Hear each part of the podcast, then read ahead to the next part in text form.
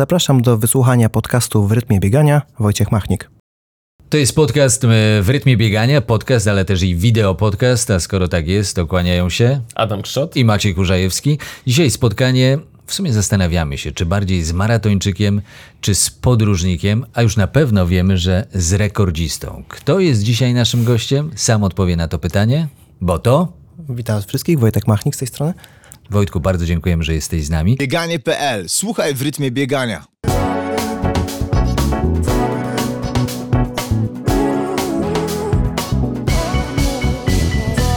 Partnerem cyklu w rytmie biegania jest e-obuwie. Bardziej podróżnik czy maratończyk? No myślę, że ostatnio to bardziej chyba maratończyk, bo tych e, maratonów jest coraz więcej, więc e, każda moja podróż w tej chwili jest ustanowiona właśnie pod to, żeby pobiec maraton. Więc myślę, że taka ta szala cały czas ewoluuje, ale ostatnio bardziej maratończyk. O takim gościu zawsze marzy partner naszego podcastu e-obuwie. Pozdrawiamy. Bo jesteś idealny. Ty musisz tych butów zużywać, co? W sezonie. No, ścierają się przy tej ilości biegów, tak. A w czym chodzisz na co dzień w ogóle? W jakich butach? No, maratony. Co 5 dni maraton, 66 maratonów w ciągu jednego roku. E, I cóż, w zasadzie z butów biegowych nie wychodzisz. No, Mam e, różne pary butów w zależności, bo ja nie tylko biegam maratony miejskie, biegam też trochę trialowych e, biegów, mam też e, ultra, mam też górskie, więc e, zawsze mam jakąś jedną parę ze sobą. Tak te moje podróże są w tej chwili wycyrkulowane, żebym nie mieszał tego, prawda? Bo ten bagaż jednak potrafi tylko 20 kilo przyjąć, bo tak sobie założyłem. Mm, więc nie mieszam tych, bie- tych biegów. Natomiast y, ja nie jestem przywiązany tak naprawdę do żadnej marki.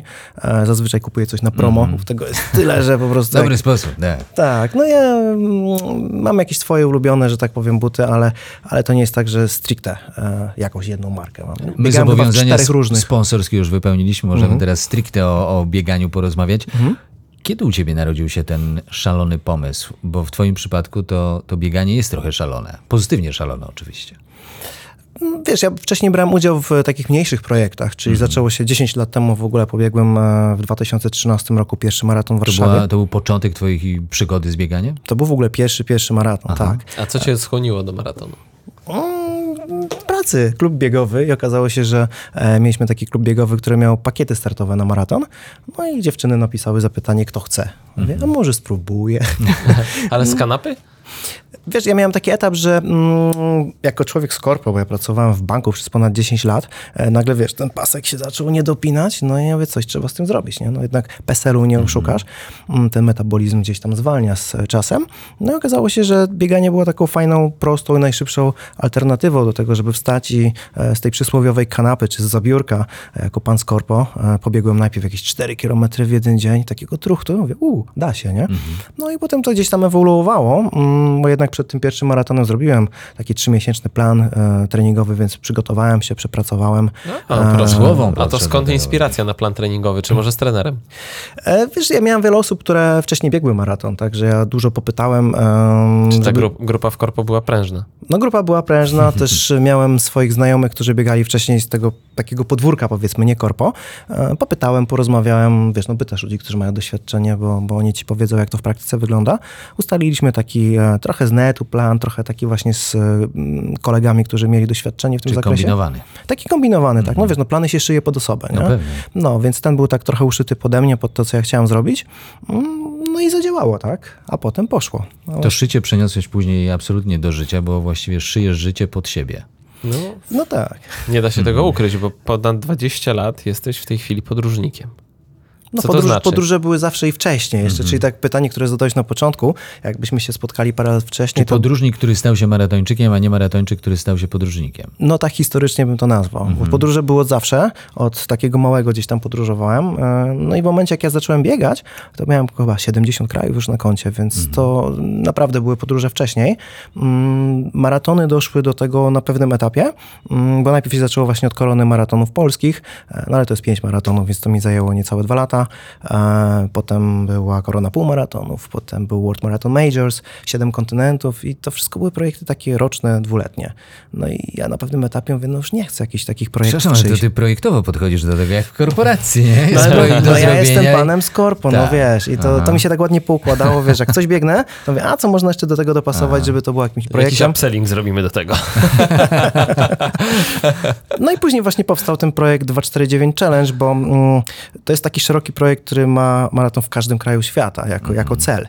Więc y, nie wiem, ile to tak naprawdę będzie trwało, natomiast y, gdziekolwiek nie pojadę, cokolwiek nie zrobię, gdzie nie pobiegnę, to zawsze jestem w projekcie i to jest taka kolejna pineska na mapie świata. Poczekaj, bo 159 maratonów w 137 krajach świata zrobiłeś na przestrzeni No niecałych pięciu lat. niecałych pięciu lat. No to nie jest to jakiś w długiej perspektywie projekt, bo myślę, że jeszcze ze 4 lata kolejne. Dwie, w tej chwili mamy 249 challenge, natomiast y, pierwsza setka. Maratonów? Tak. No wiesz, to jest takie mieszane, bo... Od e, tego się zaczęło, tak? Tak, od tego się zaczęło, bo pierwsze 10 maratonów e, to było w zasadzie większość w Polsce, więc ta statystyka międzynarodowa tak nie rosła szybko. Mm, To były takie okazjonalne biegi. Pierwszy raz pamiętam, za granicę pojechałem do Marrakeszu, do Maroka, czyli wiesz, blisko, tanio, żeby zobaczyć jak to jest. No i to zaciągnęło. E, No i później na tym etapie już późniejszym właśnie, jak skończyłem World Marathon Majors, czy już miałem wtedy 5 krajów, czy 6 nawet dokładnie zaliczonych, no to zacząłem właśnie kombinować, jak to, jak to, jak to ubrać w jakieś ładne logo, jak to nazwać, e, bo takich maratończyków, globetrotterów jest bardzo dużo na świecie. Jest kilka takich klubów globalnych, gdzie są ludzie z całego świata, no i wszyscy mają taki pomysł, żeby powiedz w jak największej ilości krajów. A rekordzista w tej chwili ile ma tych maratonów? Ile krajów ma na swoim Mm? Z ponad 190 chyba 5 albo 6 już tak naprawdę. Bo wiesz, Amerykanin pewnie. Amerykanie, tak. Um, są różne rankingi, tak? Bo jeden ranking uwzględnia te kraje tylko oficjalne, czyli te, które są uznawane przez ONZ. Mm, inne są te, które uwzględniają też terytoria zamorskie, czyli to jest taka trochę szersza kategoria. Ja przyjąłem właśnie na swoje potrzeby ten świat w wersji poszerzonej, czyli też jeżdżę na te wszystkie wyspy karaibskie, e, te terytoria takie zależne, niezależne, zamorskie, bo, bo to są też ciekawe miejsca i tam są fajne, fajne rzeczy do zobaczenia, więc to wypełnia tą em, wiesz, tą część podróżniczą tego projektu, a sam maraton jest zawsze no, wyzwaniem samym w sobie, tak? Na jakimś etapie życia musiałeś powiedzieć stop, no bo nie można pracować jednocześnie w korporacji i jeździć po całym świecie, wykonując no, nie lada misję, bo to wyznaczyć sobie, okej, to 100 maratonów, potem może 249, no cóż, no. Wiesz, to są rzeczy poza wyobrażeniem, poza marzeniami, poza wyobraźnią przede wszystkim większości biegaczy. Mimo, że często mówi się o tym, a chętnie pojechałbym do Berlina, pojechałbym do Wiednia, pojechałbym może do Rzymu. To są To incydentalne są wydarzenia. incydentalne raczej właśnie wydarzenia. Mhm. I, I jak tak szeroką wyobraźnię, tak szeroką perspektywę złapałeś? Co się musiało w twoim życiu stać, że powiedziałeś, ok, to stop korpo i teraz swoje marzenia przekuwam jeszcze w biznes? Był taki etap e, w bankowości, w finansach, e, ogólnie jak się zaczęły te kryzysy związane z frankami, z tymi kredytami frankowymi, a ja się głównie tym zajmowałem w bankowości. E, Trochę później poszedłem w stronę ubezpieczeń i, i każdy ten kolejny rok w korpo już czułem, że to już nie jest takie moje miejsce, wiesz, że nie wstajesz, nie wstajesz do pracy z taką chęcią, energią, jak, jak to wcześniej było. No, tak wypalenie zawodowe, o to jest chyba takie ładne słowo. I to tak ewoluowało, bym powiedział, we mnie i na pewnym etapie faktycznie powiedziałem, nie, to jest dość e, stop. Mm, I też to się zaczęło już zbiegać jak z bieganiem po świecie i spotykałem coraz więcej Polaków, którzy zaczęli mi zadawać pytania, z jaką ty firmą przyjechałeś tutaj, kto ci zorganizował taki wyjazd, bo ja chcę na przykład do Nowego Jorku na maraton, bo ja chcę na przykład gdzieś tam na Mur Chiński albo na Antarktydę. No i tak mi się, wiesz, ja szybko łączę y, punkciki i ten mój mózg zaczął Jest tam trybić. zapotrzebowanie na rynku. Tak, że jest, jest taka nisza, jest zapotrzebowanie na rynku na organizowanie takich e, wyjazdów. Mm, Ja na początku w ogóle byłem takim trochę prekursorem, mi się wydaje, bo nawet w Polsce na te pierwsze zagraniczne maratony nie było skąd ich wziąć, tych pakietów, więc ja je ściągałem od moich znajomych z Niemiec, e, z Anglii, z Francji. Potem sam zacząłem podpisywać umowy z, z tymi maratonami jako już bezpośredni dystrybutor i ubierać to w pakiety i, i- i jeździłem z tymi ludźmi. No i to się zaczęło rozrastać, czyli wiesz, taki sportowy tour operator to było coś, o czym ja marzyłem. Do tego doszły mi wyjazdy, wiesz, z korporacjami, które też, e, taki miałem w ogóle od pomysł na, na, na, na początku, jak, jak odchodziłem z korpo. Wiesz, no, prawie siódmy rok i, i to całkiem fajnie Kręci funkcjonuje. się. Kręci się to. Wiem, że tam jest klient. Siódmy rok, czyli to był rok rozpoczęcia 2016? Tak, ja wtedy odszedłem na koniec roku właśnie e, już definitywnie z finansów. E, Tam oczywiście z finansami jestem też związany prywatnie, jeszcze swoje rzeczy e, na boku tam robię, natomiast już nie robię tego zawodowo. To jest nie lada wyzwanie, bo to jest odwrócenie swojego życia zawodowego o 180 stopni. Bo co by nie mówić o korporacjach, to dają pewne takie bezpieczeństwo, poczucie komfortu, pewne benefity yy, i jasno wyznaczoną ścieżkę. Tak zwana skóra, fura i komura, tak? Ale chodzi o to, żeby wyjść poza strefę Ale komfortu. u- zerwać się z tej smyczy nie jest łatwo. No to na pewno jest odczuwalne, wiesz, ja byłem dyrektorem regionu na samym e, końcu e, tej mojej kariery korpo, no to wiesz, oddajesz służbowy samochód, oddajesz kartę, e, wiesz, na, na siłownię, oddajesz kartę paliwową i nagle za to wszystko trzeba zapłacić. I masz pewnie jakąś niepewność co do przyszłości, no bo niczego nie możesz być w 100%. Zawsze tak jest, że wiesz, jak e, zaczynasz coś, czego ktoś jeszcze nie robił wcześniej i też nie masz de facto nawet, e, choćby chcieli ci inni pomóc, no to ci nie do końca pomogą, bo nie ma punktu odniesienia takiego, więc ja cały czas kreuję taką rzeczywistość, która w tej chwili już trochę istnieje, a wtedy tak nie do końca istniała, więc dużo pomysłów zaczerpnąłem z zagranicy, z e, rozbudowanego biznesu, powiedzmy z Europy Zachodniej, e, bo to tam mocno funkcjonowało Czy wcześniej. benchmark by, był dobry? Tak, miałem dobry benchmark, do, dobre standardy i, i, i myślę, że też dobry ten standard e, ustanowiłem w Polsce. Mm, Do tej pory jest nas może takie trzy firmy, w, po- które, które Tak, nie, nie organizują. ma specjalnie rozbudowanego tego Nie jest to jakoś tak, bo, dostawców. bo to też, wiesz, nie są tanie wyjazdy. Mhm. Mówmy się, że jak mówimy na przykład o serii maratonów World Marathon Majors, tak, czyli pobiec taką szóstkę Majorsa, to nie jest, to nie jest tania sprawa. No, nie lichy wydatek to jest pewnie. No, więc to- A ty coś o tym wiesz? Tak. Więc e, tak samo siedem kontynentów. No, Antarktyda kosztuje straszne pieniądze, Mhm. więc e, to są rzeczy, które są dla pewnego segmentu klienta, e, albo ktoś na to długo odkłada, ciężko pracuje, bo ma Czyli takie nadal marzenie. jest to poniekąd niszowe. No tak, Majorsów mamy chyba niecałą setkę na dzień dzisiejszy w Polsce, więc no jak widzisz, no na, na, na tak duży kraj to, to nie jest jakaś wielka cyfra.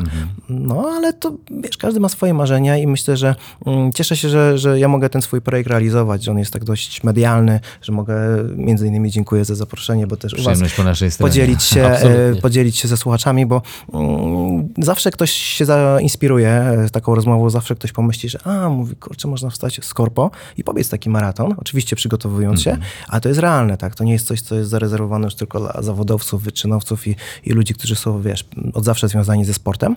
No ja miałem 36 lat, jak pobiegłem pierwszy e, maraton, więc wiecie, wszystko można. Pierwsze duże wyzwanie na tej nowej ścieżce, coś co było takim typowym dołkiem, w którym powiedziałeś, może to nie ma sensu.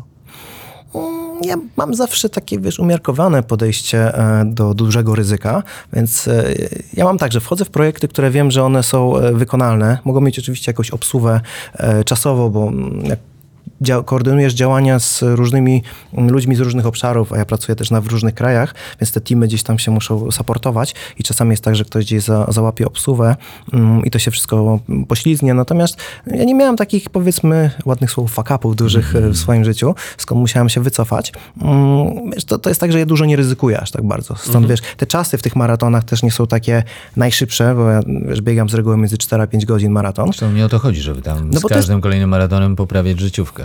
No wiesz, jak chcę na życiówkę się przygotować, no to się przygotowuję na nią. Natomiast mm, ja mam taką zasadę, że staram się nie powtarzać biegów, więc jeżeli już gdzieś jadę, to staram się zrobić fajny materiał, e, żeby z tego coś zostało, bo jednak wiele osób, które obserwują mnie, to są osoby, które nie są e, maratończykami, które nie jeżdżą na, na, na takie wyjazdy i piszą mi później, że fajnie, że tak transmitujesz to od środka, jak to wygląda, od expo, odbierania numeru, jak startujesz, widzą te emocje, e, bo mówi, czujemy tak, jakbyśmy z tobą biegli. Więc wiesz, to jest ta wartość, którą ja przekazuję przez, przez relacje na przykład, ale to też powoduje, że biegasz wolniej, bo musisz się skupić, stanąć, czasami wiesz, coś tam nakręcić, jakiś story Czyli to zrobić. jest naprawdę turystyka biegowa w pełnym tego słowa I znaczenia. nieco misyjności. No tak, wiesz, to, to chyba taki termin powstał w ogóle, że turyka, Tak, turystyka, jest, tak, turystyka maratonowa czy biegowa. Mm, I myślę, że tak by ten projekt trzeba było obsadzić właśnie jako taka kombinacja dwóch pasji, do biegania i do podróżowania. I on został tak od początku e, założo, założony, tak, przemyślany i on tak funkcjonuje przez te prawie pięć lat. I Dla mnie to jest fantastyczne, ale to jest też coś, coś, co ja kocham i uważam, że to jest chyba najlepszy wymiar biegania, kiedy możemy zwiedzać nowe miejsca i robić to, co kochamy, czyli po prostu biegać. Zresztą poznawanie tych miejsc w biegu chyba jest też świetnym pomysłem. No to jest w ogóle taka mm, czasami unikatowa możliwość, bo biegniesz przez miasto, które jest totalnie zamknięte. Mhm. Czyli tam, gdzie zazwyczaj e, jeżdżą samochody albo w ogóle jest niedostępne na przykład dla pieszych, W ten sposób nie masz normalnie tego miasta, miejsca szansy zobaczyć. No masz inną perspektywę, taką unikatową dla maratończyka. No to jest, no wiesz jak to jest, jak biegniesz maraton. To jest naprawdę taki, sam maraton już jest wyzwaniem, jak biegniesz w takim dużym miejscu, jak na przykład Nowy Jork, York, czy, czy, czy którejś z tych serii, tych największych maratonów, masz ten doping, masz zespoły, które ci grają na trasie, ludzie, którzy kibicują. Są też piękne okoliczności przyrody, oczywiście. I okoliczności tak, no. przyrody. E, I Jest też takie hasło i takie twierdzenie, że najzdrowszy sposób biegania maratonów to są maksymalnie dwa maratony w roku. Ty miałeś maksymalnie w roku, przepraszam, ile? Przypomnij e, mi. 69. 66 zaliczonych 66 to były oficjalne świata. kraje, plus jeszcze trzy w terytoriach e, tych takich Zamorskich. zamorskich. zamorskich. Mocno przegiąłeś. Więc równy 69, tak. No, no to jest maraton co jakieś tam 4 dni z haczykiem, nie? Mhm. Więc, y, no ale to umówmy się, że e, jak atakujesz rekord świata, no to, to nie są ludzie już powiedzmy z tej serii normalnych, bo jeszcze tutaj w tych kategoriach lifestyle'owych te rekordy w ogóle są jakby w innej wadze trochę chodzą. Um, no i to wiesz, to, to już nie bardziej chodzi później o ten czas, tylko przy tej ilości to no nie możesz pobiec za szybko, bo czasami były takie challenge, gdzie na Karaibach biegaliśmy, wiesz, 7 dni, e, codziennie jeden maraton, nie? Także, także takich miałem challenge'ów trzy, raz w Afryce i na Karaibach. Poruszając się cruzem, tak? Dobrze pamiętam? Wycieczkowcem. Tak, to jest, e, to jest taka To specjalna... opowiedz może, bo to jest taka creme de la creme. jest, Jak, to, jak być na Hawajach i y, przez 7 dni pobiec 7 maratonów? Wiesz, ten challenge karaibski to jest tak, że mm, na, po niektórych wyspach pływają takie kruzowce i to są z reguły tygodniowe. Mm, no po prostu dostępne do wszystkich normalne cruzy, takie turystyczne. Tak. Tam na tym statku jest, nie wiem, z 3000 osób. Wielki Ale pływający Wielki hotel. wycieczkowiec. Ale to, to znaczy, że ty po, wychodzisz na maraton, a tam ktoś właśnie drinka z palemką odpala pierwszego? No, z tych klientów tak, natomiast my Jak mieliśmy... wychodzi Wojtek, to kończy ostatniego. My mieliśmy firmę, która to organizowała, bo, bo takich firm też jest kilka Tak. od tych challenge'ów, więc to nie było tak, że to był jakiś totalny spontan, bo z punktu widzenia jakby rejestracji tych rekordów, mm, to ja nie uprawiam takiej, wiesz, takich prywatnych biegów, bo to się do niczego nie liczy, Mhm. tylko to muszą być oficjalne maratony, które spełniają wszystkie kryteria, nie? czyli jest ktoś, kto organizuje, jest pomiar czasu, jest- medale, wszystko tak, te trasy są mierzone, to wszystko, to wszystko musi być. No i przede wszystkim to nie może być prywatny bieg, tylko tam zawsze jest, nie wiem, no, kilkadziesiąt osób, które biegną. Mm, A najmniejszy w jakim biegłeś? Oficjalnym? w Togo było 10 osób. Oho, to jest... Tak, To, tak. to No, jest impreza... Wiesz, to, to, to mi dało zupełnie inny wymiar, e, jakby w ogóle inną perspektywę, bo jak biegasz na przykład w Polsce, na przykład, nie? Ktoś zna w Warszawie maraton warszawski, patrzysz, start, tysiące ludzi i w ogóle wow, a potem jedziesz do, nie wiem, na Malediwy, gdzie jest 15 osób, jedziesz do Togo, gdzie jest 10 e, i takich maratonów, gdzie było kilkanaście osób, to ja miałem naprawdę kilka. I patrzysz w ogóle, że ten sport nie jest tak naprawdę popularny, zwłaszcza w krajach afrykańskich, bo tam czasami musimy my jako mm, Europejczycy czy maratończycy globtroterzy pojechać z, z jak w ogóle taką propozycją, żeby ktoś nam chciał zorganizować taki maraton, e, bo w ogóle jakoś nie czuję takiej potrzeby, no bo po co, nie? Kto tu przyjedzie biegać maraton? A są kraje, gdzie w ogóle nie organizują maratonu? E, No jak robiłem research do tego mojego projektu, 5 lat temu to było ich 27. Na dzisiaj em, jest troszkę lepiej, bo jest tylko 20 chyba jeden. E, Stąd też wiem, że na pewnym etapie ja będę musiał zorganizować maraton. Oficjalny maraton. Tak. Gdzieś na świecie. No tak na przykład było w Syrii w zeszłym roku. Mhm. To był jeden z krajów, w którym w ogóle nie było maratonu. Ja pojechałem do Syrii e, rok przed, no i zacząłem im tłumaczyć, że może byśmy maraton zrobili w tym Damaszku. Oni tak patrzyli na mnie, tak otwierali oczy. Ale Mówię, proszę pana, to jest Syria. Tutaj to jest Syria, kto tu przyjedzie, wojna. nie? Ja mówię, słuchajcie, jest naprawdę przepotężna społeczność maratończyków, globetrotterów, ludzi, którzy no, te kraje gdzieś tam obserwują i chcą w nich pobiec w jak największej ilości. Też chcieliby je odhaczyć na swojej I mapie. chcieliby je odhaczyć, tą pinenskę postawić przysłowiowo.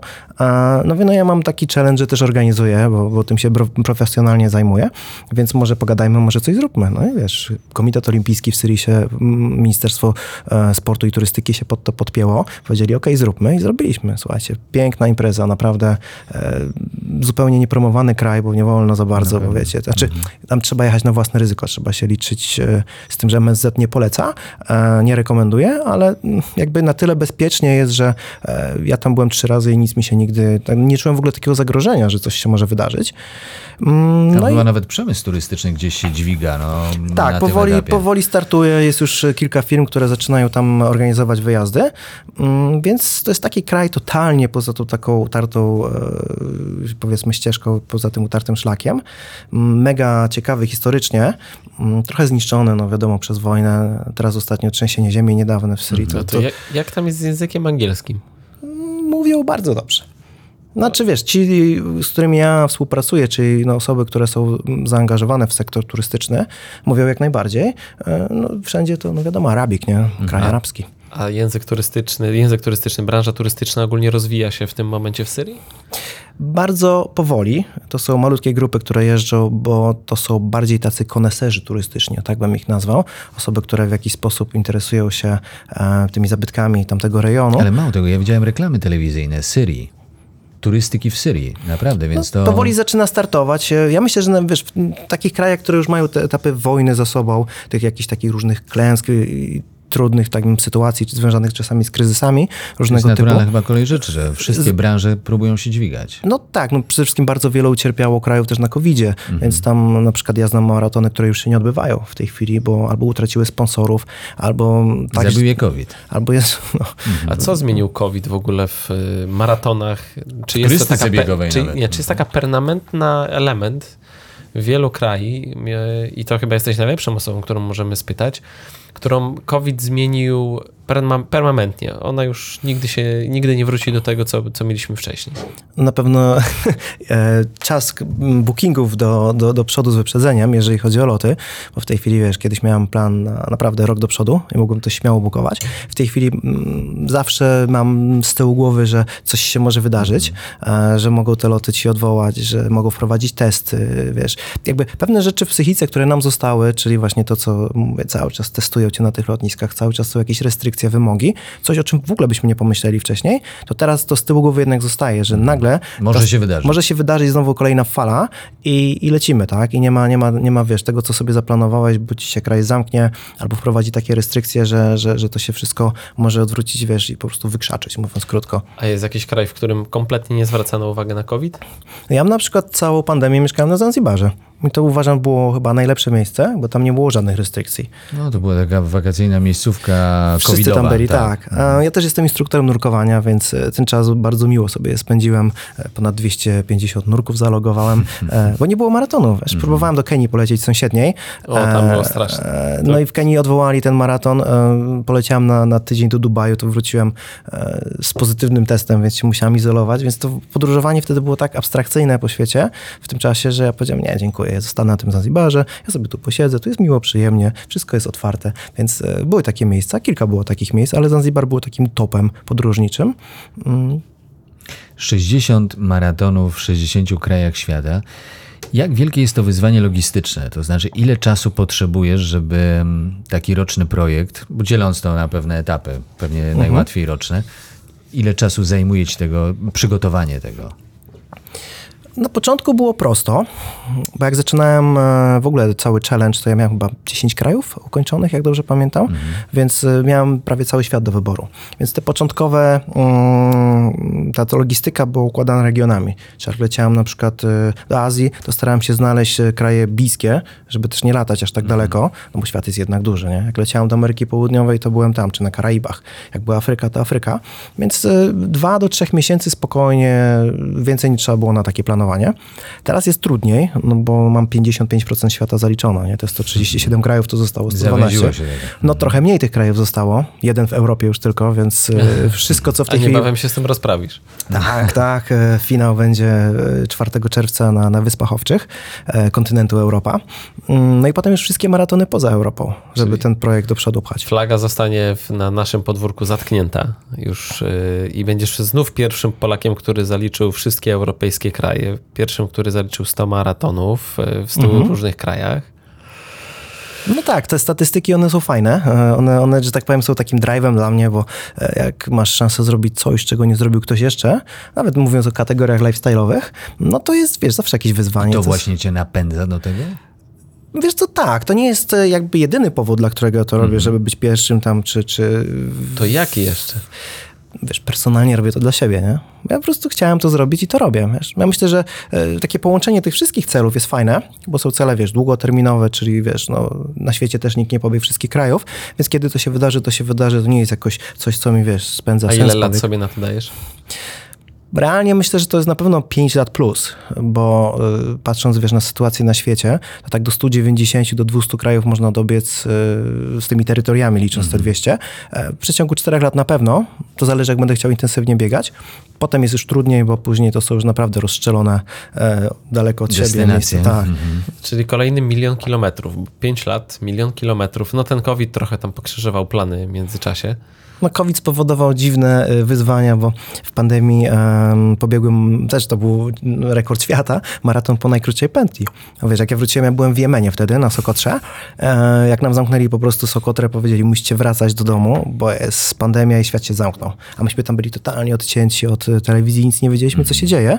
I patrzymy, a tu w ogóle jest dramat, nie? Nie pamiętam, jak ja wtedy wylądowałem na Okęciu. Takim, był taki samolot, lot do domu to się nazywało. tak, cała Więc akcja. Też cała akcja.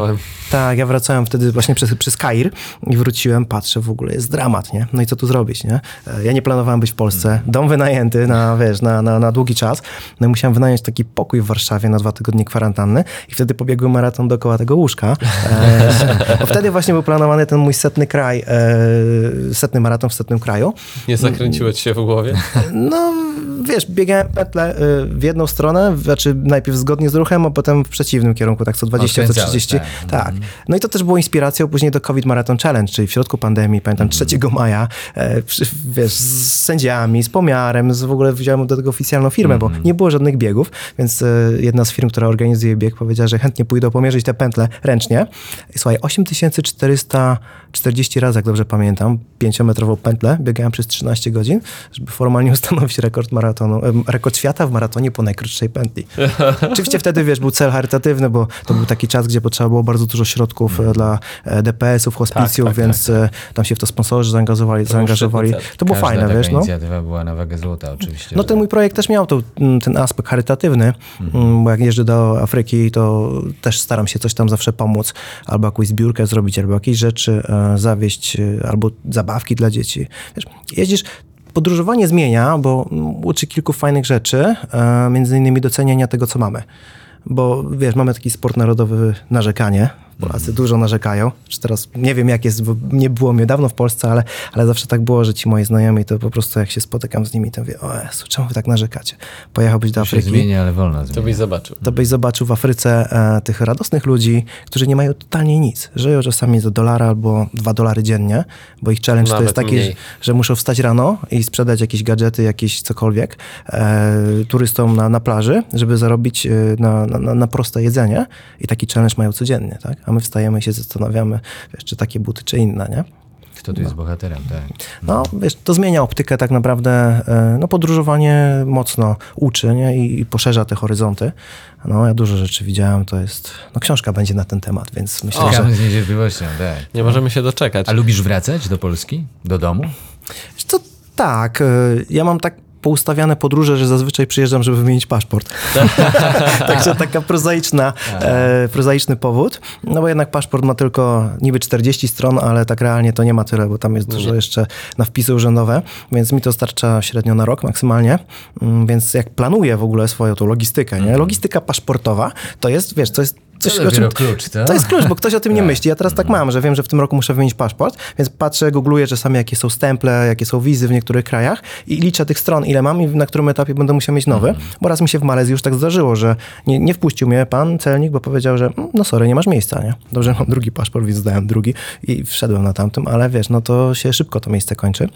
Więc y, lubię wracać do Polski nie tylko z powodu paszportu, ale też, no, wiesz, mam rodzinę w Polsce, wiesz, są rodzice, jest siostra, więc y, teraz na święta też wróciłem. e, nie było mnie pół roku, więc to jest zawsze, wiesz, taki czas, gdzie, gdzie warto go z rodziną spędzić. No A i nie- lecę dalej. Nie korci cię tak, żeby bardziej osiadły tryb życia jednak poprowadzić? Wiesz, no ja miałem bardzo regularne życie. E, mieszkałem w Polsce przez cały czas, tak? E, pracowałem w korpo, więc e, no... Na pewnym etapie, jak przechodzisz już, wiesz, ta, całą swoją, nie wiem, nazwijmy ścieżkę rozwoju w korpo i wiesz, że to już nie jest to, co chcesz e, robić dalej, a są inne rzeczy, które, wiesz, no, bieganie mnie mocno wkręciło i cały ten mój projekt. I to jest to, co ja chcę robić w najbliższych latach. Mm, nie wiem, no, na dzie- dzień dzisiejszy mam taką optykę na ten temat. Czy to się zmieni? No to zobaczymy. No to muszę zapytać, czy z tego można po prostu spokojnie żyć i nie walczyć o tego dolara, tylko mieć perspektywę taką, ok, mam oszczędności, mogę rok nie robić, pół roku, nic i, i czuję się szczęśliwy, bezpieczny, nie ma problemu. A jeżeli będę miał problemy, to pojadę na Zanzibar, będę nie, instruktorem nurkowania. To, jest znowu wszystko planowanie, tak? To jest związane z, z planowaniem. Jeżeli masz dobry budżet i, i wiesz, u mnie idzie falowo i ja też nie zarabiam regularnie, bo jak masz swój biznes, to wiesz jak to jest. To jest tak, że masz zlecenie, nie masz zleceń, o wszystko trzeba walczyć. Więc jak mam e, dobry rok, to wtedy planuję te droższe kraje i no w tym roku mam cały Pacyfik w lipcu, no to, to, są, to jest chyba Jest najdroższy. wydawać. To jest tak, to jest najdroższy rejon świata, więc e, też tego nie robiłem wcześniej, bo no, to jest spory wydatek, no ale akurat zeszły rok nie był zły, więc mogę sobie pozwolić. Jak będzie w kolejnych latach, nie wiem. Wiesz, no zawsze szyjesz tak, jak e, na, co- na co cię stać. nici są. Tak, tak, więc y, racjonalne zarządzanie budżetem to jest kluczowa rzecz. Y, ja to mam wyniesione z korpo, wiesz, pan z finansów, więc akurat z finansami nie mam problemu. Szacowałeś to, jeśli chodzi o, o total cenę całego projektu? Ile to będzie mogło kosztować? Te 249 krajów. Trudno mi powiedzieć na dzień dzisiejszy, Ale bo... jakiego rzędu mniej więcej ta No rozpiętość? wiesz, no to idzie w miliony, nie? To myślę, że wiesz, to ja do tej pory już wydałem kilkaset tysięcy spokojnie na to. Mm, No też są sponsorzy, wiesz, to też No jest tak, tak, że tak, to, tak, to nie, tak. są, nie są stricte wszystko moje pieniądze. Jest dużo wspierających instytucji. Natomiast e, to wszystko będzie znowu zależało, jakie będą ceny lotów w kolejnych latach, bo to, co się wydarzyło a propos jak COVID zmienił, tak? Po pandemii, słuchajcie, loty są, no ktoś to lata, to wie, x-krotnie droższe, Mhm. jest o wiele mniej połączeń, e, bo część spadło po prostu e, i raczej nie wróci. No jest, niestety jest, padła. no jest tak, jest mniej tych połączeń, jest, są one droższe, bardzo wszystko podrożało na świecie, a nie tylko, nie tylko patrząc z perspektywy Polski, tylko w ogóle świata, więc e, to się przekłada na to, ile te kolejne etapy będą kosztować, a one tanie nie będą. Czyli zostały mi najdroższe kraje i re- realia takie, a nie inne, bo, bo te ceny cały czas idą do góry, Mm, więc e, trudno mi, nawet, nawet nie chcę, szczerze, powiem szczerze, że nie chcę liczyć. A dżentelmeni nie rozmawiają o tak- pieniądzach, więc nie Ale wiesz, to jest- tego to- tematu. no, Też nie odpowiem na to, bo nie to, że nie chcę, tylko trudno mi to oszacować, bo no widzisz, w 20 krajach nie ma maratonu, więc też trudno Trzeba to powiedzieć. zorganizować Trzeba to zorganizować. e, Trudno mi powiedzieć, kiedy to się wydarzy, bo to się może nie wydarzyć na przykład przez następne, nie wiem, jeszcze 6 czy 7 lat też, nie? Okej, ale skoro tam nie ma maratonów, czy to są na przykład, czy będąc takim współorganizatorem, czy nie wiem jak to nazwać nawet prawidłowo, może dyrektorem, może osobą, która doradza, czy to w ogóle wiąże się z jakimś wynagrodzeniem, czy ty po prostu ściągasz jakby tych ludzi, którzy chcieliby potencjalnie odhaczyć, zawiesić flagę, zawiesić kurczę tą e, pineskę na mapie swoich podróży maratońskich? E, Jak to w ogóle się odbywa? To jest tak, że jeżeli masz pakiet na mm, taki maraton tour, to się nazywa, jeżeli to jest kraj, który ma dostępność powiedzmy taką otwartą, tak, czyli kraje europejskie, wszystkie kraje, w większości w Azji, gdzie można sobie samemu kupić bilet, polecieć, to wiesz, to samemu to zrobisz zawsze taniej, no chyba, że potrzebujesz organizacji, to wtedy bierzesz takie biuro podróży jak I ja. się Dla nie wygody, martwię. tak. Tak, dla wygody, nie A czym martwisz się się, wtedy nie martwię? niczym się nie martwisz, masz wszystko ogarnięte. A czy bierzesz mnie za rękę i wszędzie mnie... Tak, Musisz tylko pobiec, tak? Tak, masz tylko, musisz tylko pobiec. To E, jest start, biegnij. Tak, wiesz co, zazwyczaj to jest tak, że ktoś cię odbiera z lotniska, e, tak działają te wszystkie firmy, które się tym zajmują, że przylatujesz, masz e, hosta, czyli takiego mm, pilota, który cię przyjmuje na lotnisku, jedzie z tobą do hotelu, tłumaczy ci wszystko co jak, no tak jak na takiej klasycznie zorganizowanej wycieczce. E, Jedynym takim dodatkowym bonusem, nazwijmy, czyli kluczowym punktem tego wyjazdu jest to, że jedziesz zazwyczaj dzień przed na Expo, odbierasz ten numer, no i następnego dnia trafiasz na start i ze startu też cię ktoś z powrotem do hotelu odstawia. A są pakiety very, very VIP? No, oczywiście, że są. I czym to się różni? Wiesz, zazwyczaj... Jakbym się takim VIP-em chciał poczuć, to co by to, jaka byłaby dla mnie różnica? Liczba gwiazdek hotelowych. Tak, to jest kwestia standardu, w jakim hotelu śpisz, natomiast na samym Expo też e, jest ta strefa VIP, czyli dla tych osób, które w jakiś sposób są, no, mają albo pakiet VIP, albo, albo są szybkimi biegaczami, czyli tą elitą i oni tam zazwyczaj są, albo masz tą strefę, gdzie są na przykład masaże, gdzie możesz sobie usiąść, napić się kawy, jest jakiś tam bufet czy coś takiego, bo to każdy maraton organizuje to inaczej, nie? więc e, albo się możesz na przykład tam spotkać z kimś, nie? w takiej strefie, na przykład biegłem w Kenii, no to w strefie VIP się spotkałem z Eliudem Kipczogę. Albo w Kalifornii, gdzie jest cały cykl, akurat to są półmaratony, możesz wykupić w pakiecie startowym taką możliwość wejścia do ogródka, gdzie wystawiają się lokalni, lokalni producenci wina, dostajesz kieliszek na wejściu, możesz tam spędzić ile czasu chcesz. A to nie, nie, nie za dobrze rokuje na maraton.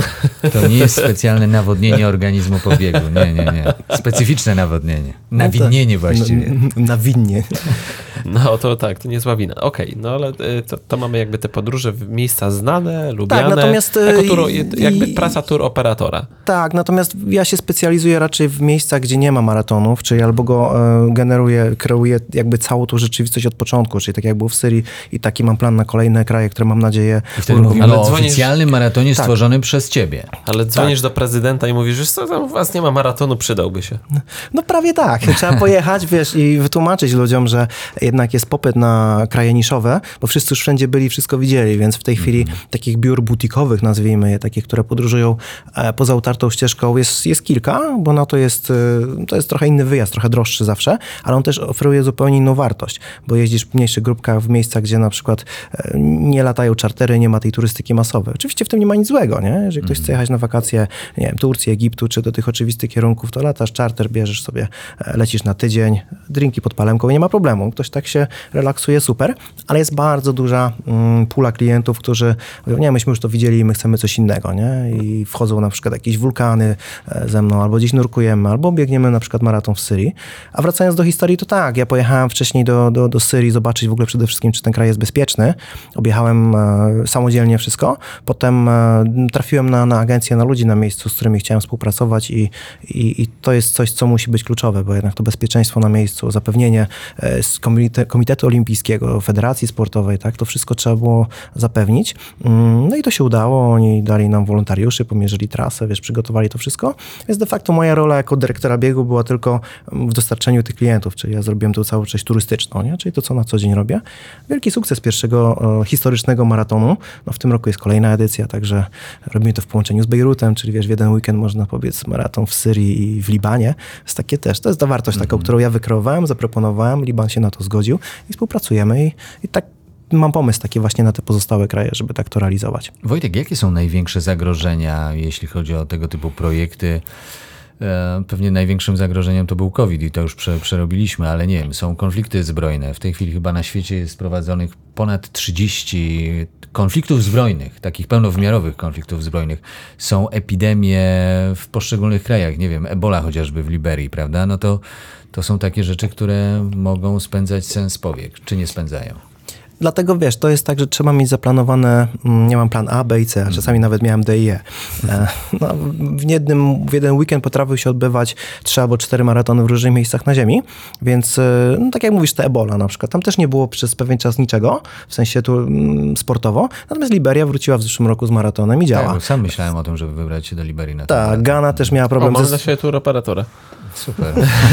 w Ganie był problem z, e, ze sponsorem, stracili go i chyba 4 lata nie było nic i w tym roku wróciła Gana, tak? W Timorze Wschodnim też przez chyba 5 lat się nic nie działo i to Bardzo wraca. dobrą kawę mają. No widzisz, no więc to jest ta wartość, że możesz pojechać, e, napić się kawy i pobiec maraton. E, to ewoluuje, tak? Więc te ryzyka są mm, powiedzmy takie no, czasowe, o tak bym powiedział, nie? Czyli ja mam na przykład na dwa lata plan, jakieś 40 chyba 6 krajów, które mam zaprognozowane, bo nie wszystkie jeszcze mają daty na przyszły rok, ale wiem, że one się odbywają w ten weekend i tylko czekam na ten czas, żeby ogłosili rejestrację i, no i się zapisuję. Co będzie za dwa lata, zobaczymy, bo wtedy powinienem dobrnąć do pewnie 180 krajów, tak pi razy drzwi. I tu się zacznie challenge, e, wypełnienie tej reszty świata. Wiesz, na świat, jak ja patrzę w tej chwili, to są miejsca, gdzie ja nie byłem, niż bardziej niż te, gdzie byłem. Czyli e, może być tak, że e, liczba, na, na, na pewno będzie tak, że liczba tych maratonów, które zostały, krajów, które zostały ci do odwiedzenia w maratońskim stylu będzie się zmniejszała, ale czas realizacji tego projektu będzie się wydłużał. No ja myślę, że tak będzie, bo ta najłatwiejsza część już jest powiedzmy sobie za mną, e, tych najbliższych Lub krajów. będzie w niedłu- niedługiej perspektywie czasu. Tak, no myślę, że im dalej, czyli te dwa lata jeszcze jest ok, bo to mm, tak jak patrzę perspektywicznie, to, to jestem w stanie w te dwa lata pobiec te, te 40 kilka krajów, tak realnie, a potem to już są naprawdę takie W sumie Karaiby, Pacyfik, e, tutaj kropka nad i nad Europą i to już ładnych kilka krajów będziesz miał. No wiesz, w Afryce jest najwięcej tych takich krajów właśnie skonfliktowanych i, i to będzie taki kan, tak, taka trudna część do zakończenia. No i na Pacyfiku też jest tak małe są niektóre państwa, że tam coś zorganizować jest, co, jest trudno po prostu. Już trudniej niż wokół łóżka nie będzie. No, może tak, to, to jest... Tak nie. No wiesz, no ale słuchaj, polecieć 20 tysięcy kilometrów gdzieś na Pacyfik, mm, po to, żeby tam się kręcić po takim malutkim jakimś, nie wiem, jak to pętlę trzeba będzie zorganizować, jeszcze zupełnie nie wiem. No też wiemy, że w 2027 będzie nowy kraj, który się wydziela, więc to są takie rzeczy, które gdzieś tam zaskakują w tym projekcie. Mm, No ale wiesz, no, no, no to jest żywy organizm, tak? Tu trzeba brać na klatę to, co jest i, i też nie myślałem, że będę miał stopa na prawie rok e, w covid bo w tym roku, jak był COVID, to chyba trzy kraje tylko dodałem. Znaczy, no tam w tej perspektywie tego, tego największego COVID-u. No ale udało mi się na przykład w Tanzanii mój setny maraton pobiec, nie? Tak zupełnie niespodziewanie. Stąd ja nie planowałem zupełnie Tanzanii jako, jako, jako setny, e, setny kraj, a tak wyszło po prostu dynamicznie. Więc to zadziałał plan chyba C albo D w tamtym przypadku. O. Pracujesz, podróżujesz. Kiedy trenujesz? Jak trenujesz? Ciekawe, że Adam zadaje Proszę. dopiero teraz, właśnie już po półmetku e, naszej rozmowy to pytanie o trening. To jest jedno z pierwszych pytań Adama. Wytrzymałem, Wytrzymałem wytrzymałem. Systemem startowym chyba, no bo inaczej nie można. Wrodzona ciekawość. Wiesz, to jest, to jest tak, że jeżeli mam poukładane starty co tydzień, e, no to wtedy w zależności od tego, co się dzieje e, po środku, bo czasami jest tak, że płynnie co tydzień zmieniam te kraje, bo to są, no, jeżeli jestem w nowych krajach, no to jestem tam zazwyczaj tydzień, bo coś zwiedzam, coś tam robię, więc wtedy masz zawsze taki czas, co drugi, trzeci dzień, jakiś tam trening sobie, wybieganie takie, powiedzmy na podtrzymanie zrobić. E, Natomiast czasami jest tak, że ja lecę na przykład na, tylko na weekend, bo już byłem w jakimś tam państwie europejskim, czy lecę w sobotę rano, odbieram pakiet, w niedzielę biegnę i zjeżdżam z powrotem i to mi daje mi o wiele więcej czasu na przykład na inny e, kraj, więc to nie jest tak, że to jest bardzo płynne i cykliczne. Mm, W zależności na jakim etapie jestem z podróżą i co muszę zrobić, bo wiesz, ta praca czasami jest bardzo absorbująca i, i wiesz, ja wstaję rano o 7 i idę spać tam o 23, nie? I nie wychodzę z hotelu, bo jest tyle tej pracy do przerobienia. No nie? właśnie zastanawiam się, jak to łączysz, bo niektórzy po przebiegnięciu e, i tutaj jakby nie, e, nie ujmując wynikowi, bo, jakby w trakcie maratonu też pracujesz, pokazujesz, jak to wygląda, zatrzymujesz się, robisz zdjęcia, robisz nagrania, to jest jakby gro, relacja gro jest, tak. pracy, ale to są 4 godziny wysiłku i dla większości osób to prowadzi ściśle do powiedzmy tam dwóch dni jakiejś niedyspozycji kolejnych, zmęczenia. Raz przeloty, dwa, no jeżeli jest to jeszcze wąskie okno, masz tylko weekend, no to to wszystko jest tak ciasno zapakowane, że de facto przez kolejne dwa dni no, ja sobie na przykład nie wyobrażam e, pracować w sposób skuteczny od godziny 7 do 23. Ja myślę, że dużo rzeczy jest w głowie. I wiesz, i to jest takie stare powiedzenie, ale wszystko rozgrywa się w naszych głowach. To jest w ogóle pierwsze, jedna rzecz, którą ja zapamiętałem z pierwszego maratonu w Warszawie na bodajże 36 kilometrze było e, twoje ciało może więcej niż ci się wydaje, a na kolejnym było pamiętaj, wszystko rozgrywa się w twojej głowie. Ja to strasznie zapamiętałem z tego pierwszego biegu, bo faktycznie tak jest, że już w pewnym momencie, jak biegniesz, czy są jakieś dziwne warunki pogodowe, nie? E, jest zimno, śnieg pada, albo deszcz, albo wieje i w ogóle jest totalna masakra, mm, ale jednak się nie poddajesz. Nie? I ja mam tak, że, że ja walczę do końca i, i w zasadzie dobiegam. Tak? To, jest, to jest to, że, że tym celem jest zawsze, żeby ukończyć ten maraton. Natomiast e, to wszystko się później odbija w czasach, bo jeżeli nie masz czasu na tą regenerację, e, też musisz pracować, podróżować, zmieniasz strefy klimatyczne, bo wiesz, bieganie w Azji czy na Karaibach to jest dla kogoś, kto nie był i biegał na przykład w Europie, to to cię od razu, wiesz, zmiecie, że tak powiem, prawie, że z powierzchni, bo masz 30 stopni, 35 czasami, wilgotność na poziomie jeszcze, 90, startujesz o Klimat 12 w nocy. Tak, no, no, no właśnie te klimaty, one robią, wiesz, no nie masz czasu na dostosowanie się, nie? A jak się nawodnić? bezpieczeństwo kontuzji też, które zawsze, nie wiem, no u mnie było w głowie, jak, jak robiłem projekt tam e, Korony Maratonów Ziemi, to, to miałem gdzieś z tyłu głowy taką obawę, że nie uda mi się tych planów e, zrealizować, bo pojawi się kontuzja po prostu. No więc ja się obyłem e, bez większych kontuzji, można powiedzieć, ale to jest to, że wiesz, słuchasz swojego organizmu, tak? To jest kluczowe zawsze, bo mm, czasami się wyśpisz, czasami się nie wyśpisz, bo masz lot na przykład w nocy i nie wiem, dziecko płakało całą noc i się nie dało spać, no to wtedy wiesz, że jesteś niewyspany, że jesteś trochę odwodniony, że zmieniłeś strefę, masz jetlag, nie wiem, 8 godzin zmiany. No I to jest... akurat startujesz w środku nocy. I swojej. startujesz w środku nocy po godzinie spania. Tak mi się zdarzyło, nie? Już nie raz. Więc mm, trzeba mieć tą świadomość, po pierwsze, co z tym organizmem się działo przez te ostatnie e, dni i godziny przed maratonem, e, kiedy wcześniej biegłem i, i patrzysz na warunki, które masz i wiesz, no zdrowy rozsądek przede wszystkim, tak? I, I to moim zdaniem jest kluczem do tego sukcesu, bo mm, ja czuję, na ile ja mogę pobiec. I nie biegnę ani szybciej, wiesz, nawet jeżeli miałem jakiś plan założony i widzę, że on się trochę rozjedzie, no to trudno. Tak? To już, wiesz, trzeba to wziąć na klatę, Ale bo... jak trochę rozjedzie? Kurka, rurka. Ja przelecę samolotem 10 godzin, to nawet nie myślę o tym, żeby wyjść biegać tego samego dnia, tylko iść wyspacerować, a jak biegać, to z nóżki na nóżkę delikatnie, żeby czasem coś tam nie pociągnęło. Dopiero trzeci dzień jest jakimś tym niosącym wartość. Na takie luksusy nie ma czasu, panie Adamie. No I, I tutaj zachodzę w głowę. Jak? Wiesz, bo patrzysz z perspektywy wyczynu bardziej na to, nie? Wiesz, bo ty Nie, masz- nie, nie. no, Truch to mówię, ja mówię o takim totalnym świńskim truchcie, czyli na, najwolniej jak to przyzwoitość naszego ciała nam pozwala, bo każdy ma inną przyzwoitość tej prędkości. I Ale w perspektywie Czucie po- miałeś wyczyn. a po podróży, po podróży tak, tylko że to było tak fatalne dla mnie samopoczucie. Może mnie to tyle kosztuje, może ciebie nie, nie wiem. Właśnie dlatego dopytuję, bo ja sobie siebie nie wyobrażam. Wiesz, ja myślę, że organizm się przyzwyczaja. Jak mu fundujesz e, taką jazdę bez trzymanki trochę, jak ja, no bo mam świadomość, e, że, że wiesz, to też nie jest tak, że tak można żyć wiecznie, e, więc dlatego są potrzebne bodźce. Mam wrażenie, że ja sobie dobrze te bodźce ułożyłem, w sensie cele, tak? Nie długodystansowe, krótkodystansowe, te rekordy świata, to wiesz, to nakręca, bo normalnie pewnie gdybym, tak jak część moich znajomych mówi, e, pewnie by mi się nie chciało wstać. No może i tak, ale ja wiedziałem, że jak nie wstanę i już gdzieś jestem, to mi spadnie jeden e, maraton z projektu. Na Endomondo się nie odhaczy. No tak. Chyba wyjście na ten pierwszy bieg po, po wylądowaniu w nowym miejscu i ten pierwszy kontakt biegowy z danym miejscem i krajem jest największą frajdą. Tak, to jest, e, no to prawda, po prostu ja, ja dobrze sobie w głowie wizualizuję cele i wiesz, ja zawsze gdzieś tam to mam, wiesz, to wizu... ja pamiętam jak zacząłem w ogóle ten projekt i ja mówię, ja nie mogę, dziesiąty kraj, a gdzie w ogóle, do... nie, to jest jakiś kosmos, gdzie, gdzie, ta, gdzie, ta, gdzie ten koniec, nie? Pamiętam ten banner, taki nowy rekord świata, jak ja to sobie zwizualizowałem i wiecie co zrobiłem? Zamówiłem ten banner i on leżał rok, aż go w Zambii, pamiętam ten, e, ten, se- ten ostatni z tego, tego mm, challenge'u 66 w 66 krajach, jak pobiegłem, to to zdjęcie, które ja mam, to ja je widziałem rok wcześniej. Nic, po prostu tylko musiałem tam dobiec i to zrobić. A że to było 66 krajów, no to to jest inna rzecz, ale Czyli wdrukować sobie w głowę.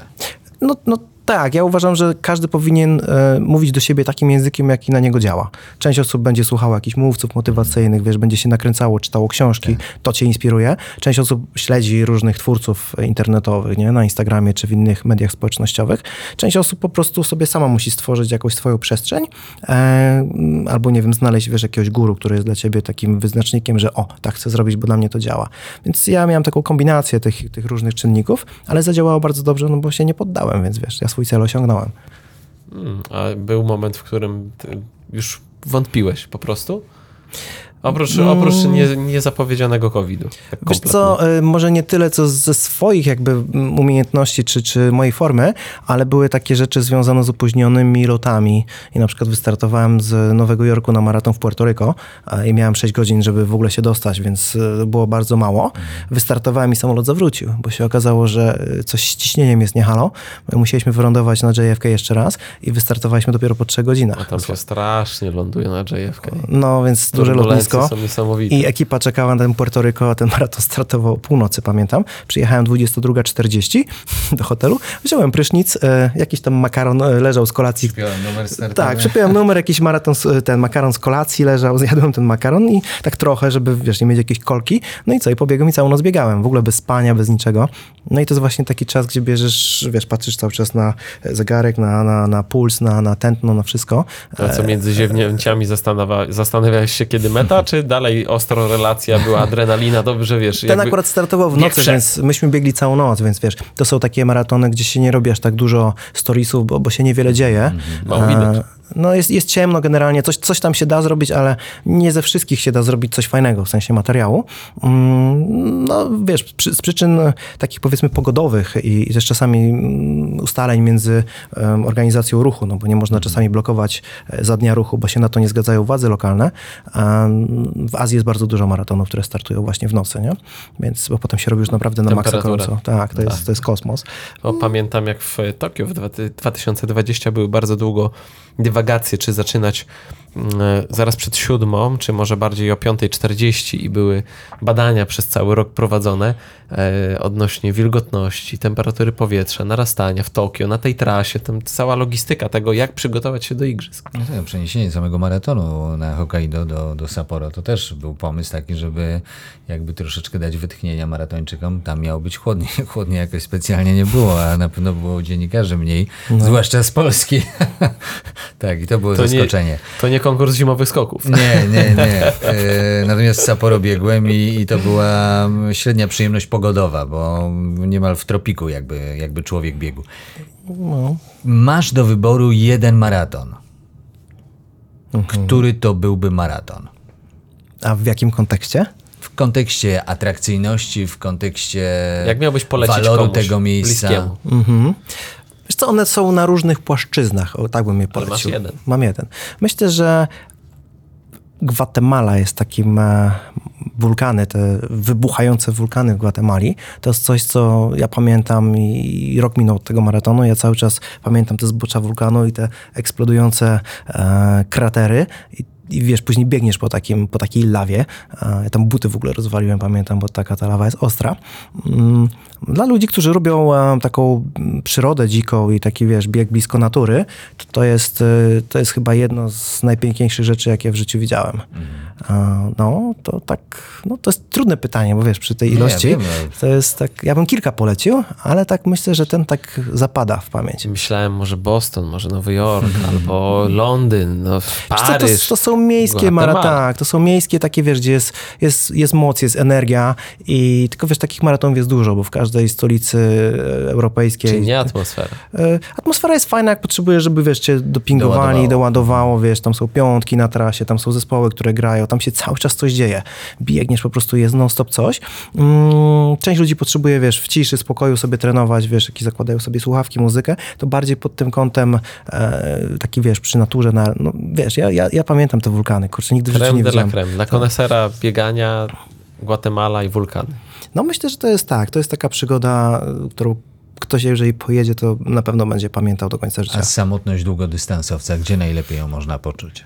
Hmm.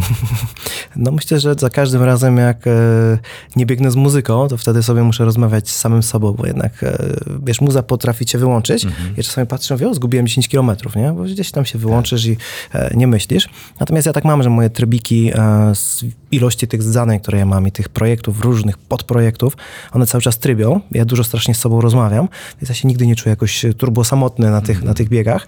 I też bardzo często ludzie przylatują do mnie, e, śledzą mój grafik i pytają, czy na przykład gdzieś tu się możemy spotkać, czy tam się możemy spotkać, już oprócz tych, które ja, wyjazdów, które ja organizuję, więc mm, mały procent, może nie wiem, z 15%, 10% tych, tych maratonów przebiegłem faktycznie tak, że tylko ja tam byłem.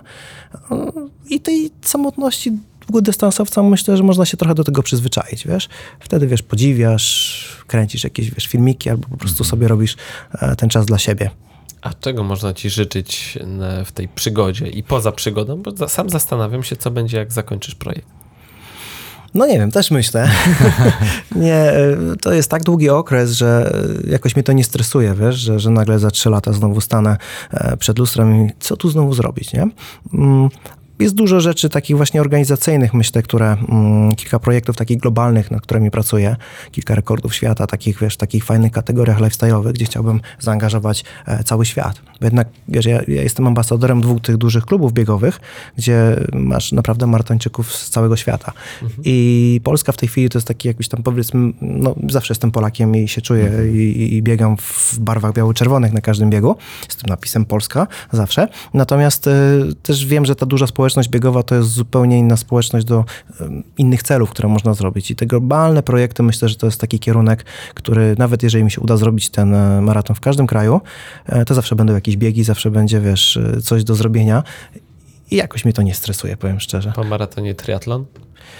Myślałem, znam paru znajomych, którzy są Ironmanami i, i, i polecali. Muszę trochę podszkolić pływanie, wiesz, bo to jest e, kluczowe e, w tym wszystkim i przy moim trybie życia, gdzie no, ja, basenów no nie ma, no po prostu wiesz, biegać jeszcze można, e, rower jeszcze możesz ze sobą e, zabrać, natomiast bez pływania nie da rady, więc może, może za jakiś czas, ale to tak... Nie mam tego na liście takich, wiesz, priorytetów na najbliższe powiedzmy dwa lata. Było 249 maratonów, to może 249 triatlonów. No, Mamy takiego zawodnika, który skupia się na takim projekcie i zostawmy mu to. Niech się uda oczywiście. Chyba wiem, o kim mówicie, też się znamy, tak, tak. Turystyka biegowa, turystyka maratońska to jest według Ciebie coś, co będzie się rozwijało z każdym rokiem i będzie przybierało na sile? Myślę, że tak. E, Patrząc na przykład na ten rozkwit e, startów tylko w Polsce, który gdzieś tam miał 10 lat temu, tak mi się wydaje, to były takie piki, gdzie, gdzie, gdzie naprawdę te statystyki były fajne. One spadają z tego, co ostatnio śledziłem, bo większość osób e, poszła albo w inne dyscypliny, czyli na przykład w crossfit, albo zaczęła biegać na świecie. Ja to widzę też po wszystkich moich najbliższych znajomych.